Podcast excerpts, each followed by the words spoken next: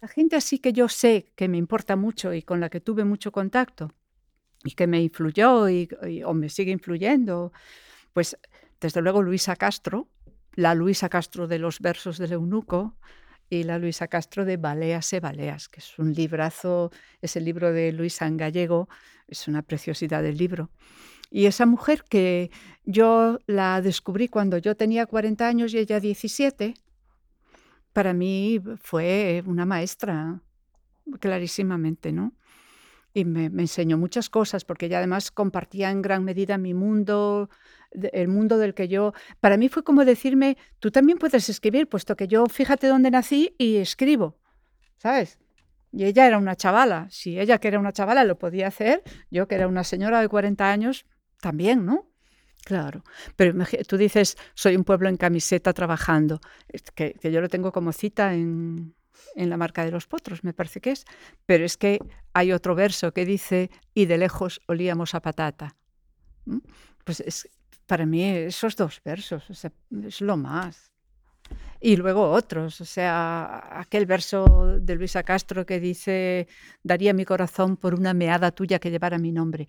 A mí ese, ese bajarse ahí, es que vamos, me pareció maravilloso, ¿no? Atreverse a decir esas cosas. María Salgado la conocí con 17 años y, y me vale muchísimo. Ángela Segovia, por Dios, somos grandes amigas y me importa mucho.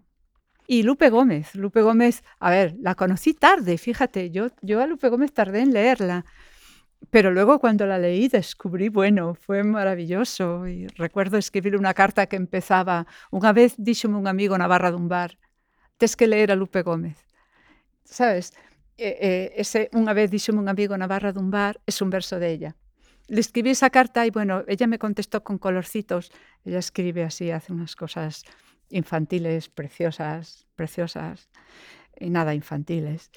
Y y desde entonces somos muy amigas. Y acabo de traducir un libro de ella, el primero, Pornografía, que es un libro atrevido donde los haya, pero valiente, con ganas. Y es una mujer increíble, ¿no? Y nació en el mundo rural y en su libro Fisteus, que se acaba de reeditar, ella cuenta todo esto de la, de la subalternidad del mundo rural gallego y de este sentimiento de inferioridad y de esta pérdida de confianza y todos estos sentimientos que te agobian cuando llegas a un colegio, ella lo relata ahí en Fisteus era un mundo, ese libro, de manera increíble. Muy bien, muy bien. Naturalmente nos entendemos de maravilla ella y yo ahora. Y para mí fue importantísima. Hay otro, otro escritor gallego que se llama Emilio Araújo, que es un hombre de estos que se esconden, que no, que no se dejan ver, que se autoedita para que nadie le tenga que...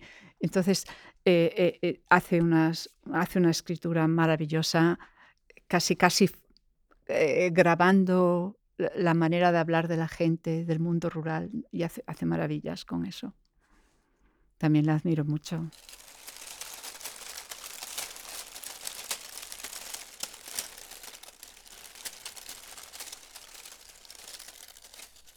¿Cómo se habla con los muertos? Pues hablando.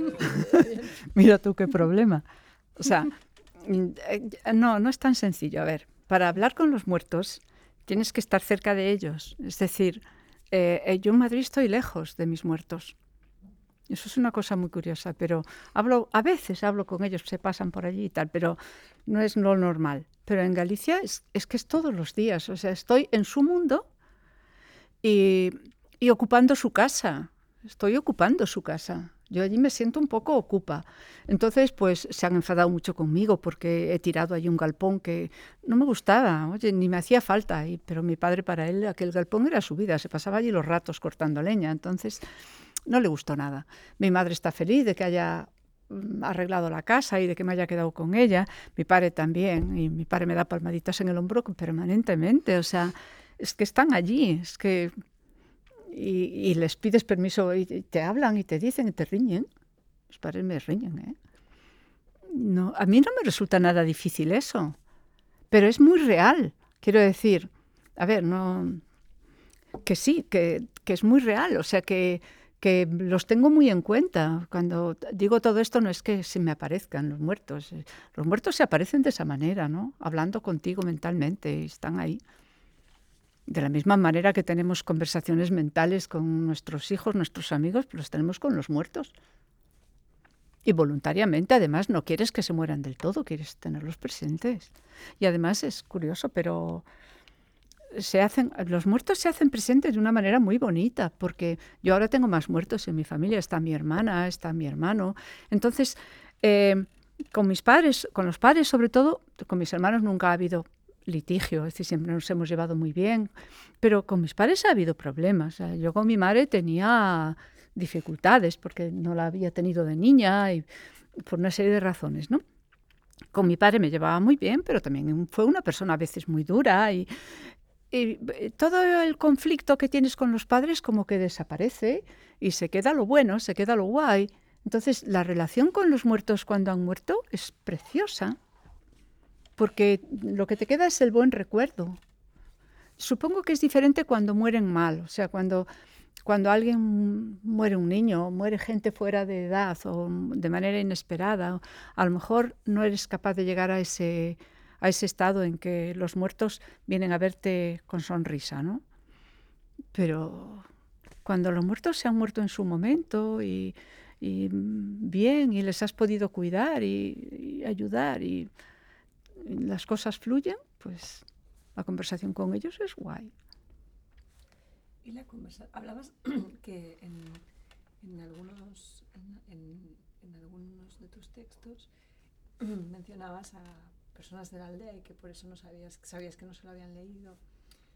Y este hablar con otras personas, también con, lo, con tus momentos biográficos, a través de tus textos, también en, nuestra, en la conversación ha quedado claro que hay, hay momentos de tu vida que son muy íntimos y no quieres compartir. Mm. Y eh, qué puertas se abren y se cierran a través de la escritura, qué cosas se filtran ahí, que tú sabes que estás escribiendo sobre eso y sabes que si la persona va, a doler más, o, sea, ¿cómo, ¿cuánto abres esos compartimentos o cuánto, cuánto diálogo hay con otros? Porque claro, es inevitable, ¿no? Que, claro, yo creo que abro muchas cosas.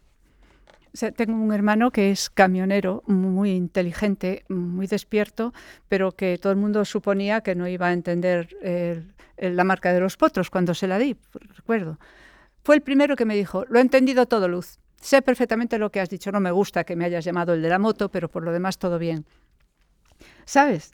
O sea, mm, em, la gente se entera cuando lee, pero no se entera de todo, ni mucho menos solo eh, no se entera cuando yo no quiero que se entere, quiero decir. Ya hay muchas cosas de mi vida que están, pero que no se sabe que están creo, no lo sé. Es muy difícil saber eso, ¿no? Cuando te has hecho tan transparente o menos o más. A mí me resulta muy difícil mm, no estar en los poemas, ¿eh? No me, no me cada vez es más, me resulta más fácil pero incluso me resulta más fácil cuando en mi último libro que estoy escribiendo ahora creo que hay mucho de, de hecho se iba a llamar libro de familia en algún momento, ya no se va a llamar así, pero hay mucho de biográfico, pero pero me resulta fácil que la biografía esté escondida dentro de lo biográfico, o sea que no sea una cosa ahí, no sé, creo que me estoy liando. bastante, ¿verdad? A ver, por ejemplo, en El pájaro mudo hay muchísima autobiografía, muchísima, pero está camuflada. En Transhumancias es el libro más como más objetivo, donde aparece menos el yo, pero hay una de las partes en que está el yo clavado, pero creo que está camuflado. Y la vuelta a, a la familia que estoy haciendo ahora, creo que también camufla cantidad. Y además está utilizando a la familia para hablar del mundo. O sea, se va por aquí, por allá, hacia otros lados, ¿no? En Amatalea, que es un poema que tú has leído, ahí no, estoy hablando, no es una conversación entre hermanos, es una conversación entre hermanos para hablar del mundo.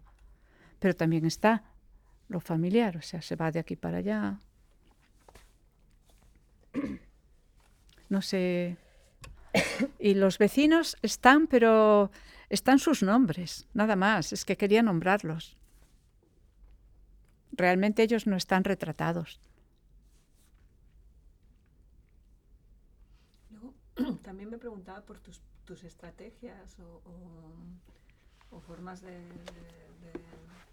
de capturar el habla para luego usarlo en el... Si tienes algún tipo de recursos, Ana María siempre anda con sus, sus conversaciones escuchadas y tal, ¿no?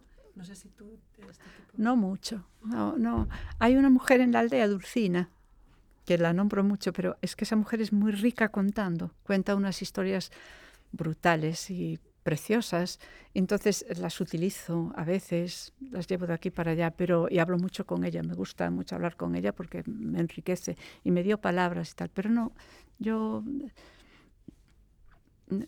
no tengo, no tengo una especial estrategia. No, creo que no, ¿no? no. Ni anotas, ni... Anoto cosas a veces, pero anoto más ideas que, que palabras o frases que me lleven a... A veces sí. De memoria. De memoria. Tiro de memoria más que otra cosa, sí.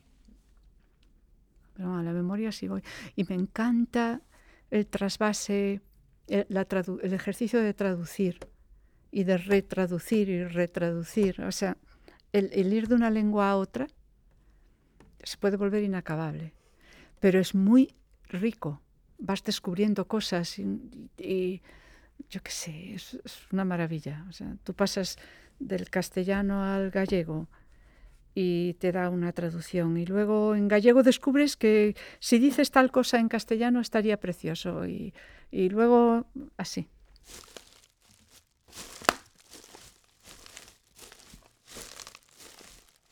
Comadreja. Comadreja es una palabra que en gallego es... Ay, ¿Cómo se llama en gallego? La palabra comadreja, que la tengo en un poema por todas partes. Ay, Donicela. Ah, sí, sí. No, que hay, en, en, uno de mis poemas aparecía la palabra comadreja, ¿no? En castellano. Al traducirla al gallego me sale Donicela. Entonces, en comadreja yo tengo comadre y en Donicela tengo señorita, Don, dona es una señora y donicela es un diminutivo. Entonces aparece donicela como señorita. Entonces, de señorita paso a comadre y digo comadrita, en lugar de comadreja, ¿no? Y me parece precioso. Eso todo se lo debes al trasvase, ¿no? Y comadrita te lo inventas. Y luego comadrita puede ser masculino o femenino, ¿no? Y, claro, y luego de ahí sale comadrajo. Y no sé, o sea, son cosas que vienen de la relación entre lenguas. Es que es muy bonito estar ahí.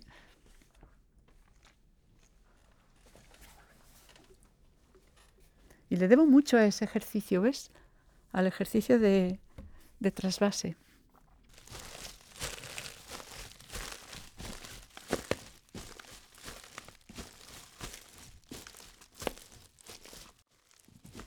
Y el espacio público en, en lugares como Galicia, donde de repente había una lengua ignorada que ahora se quiere hacer visible, ¿no?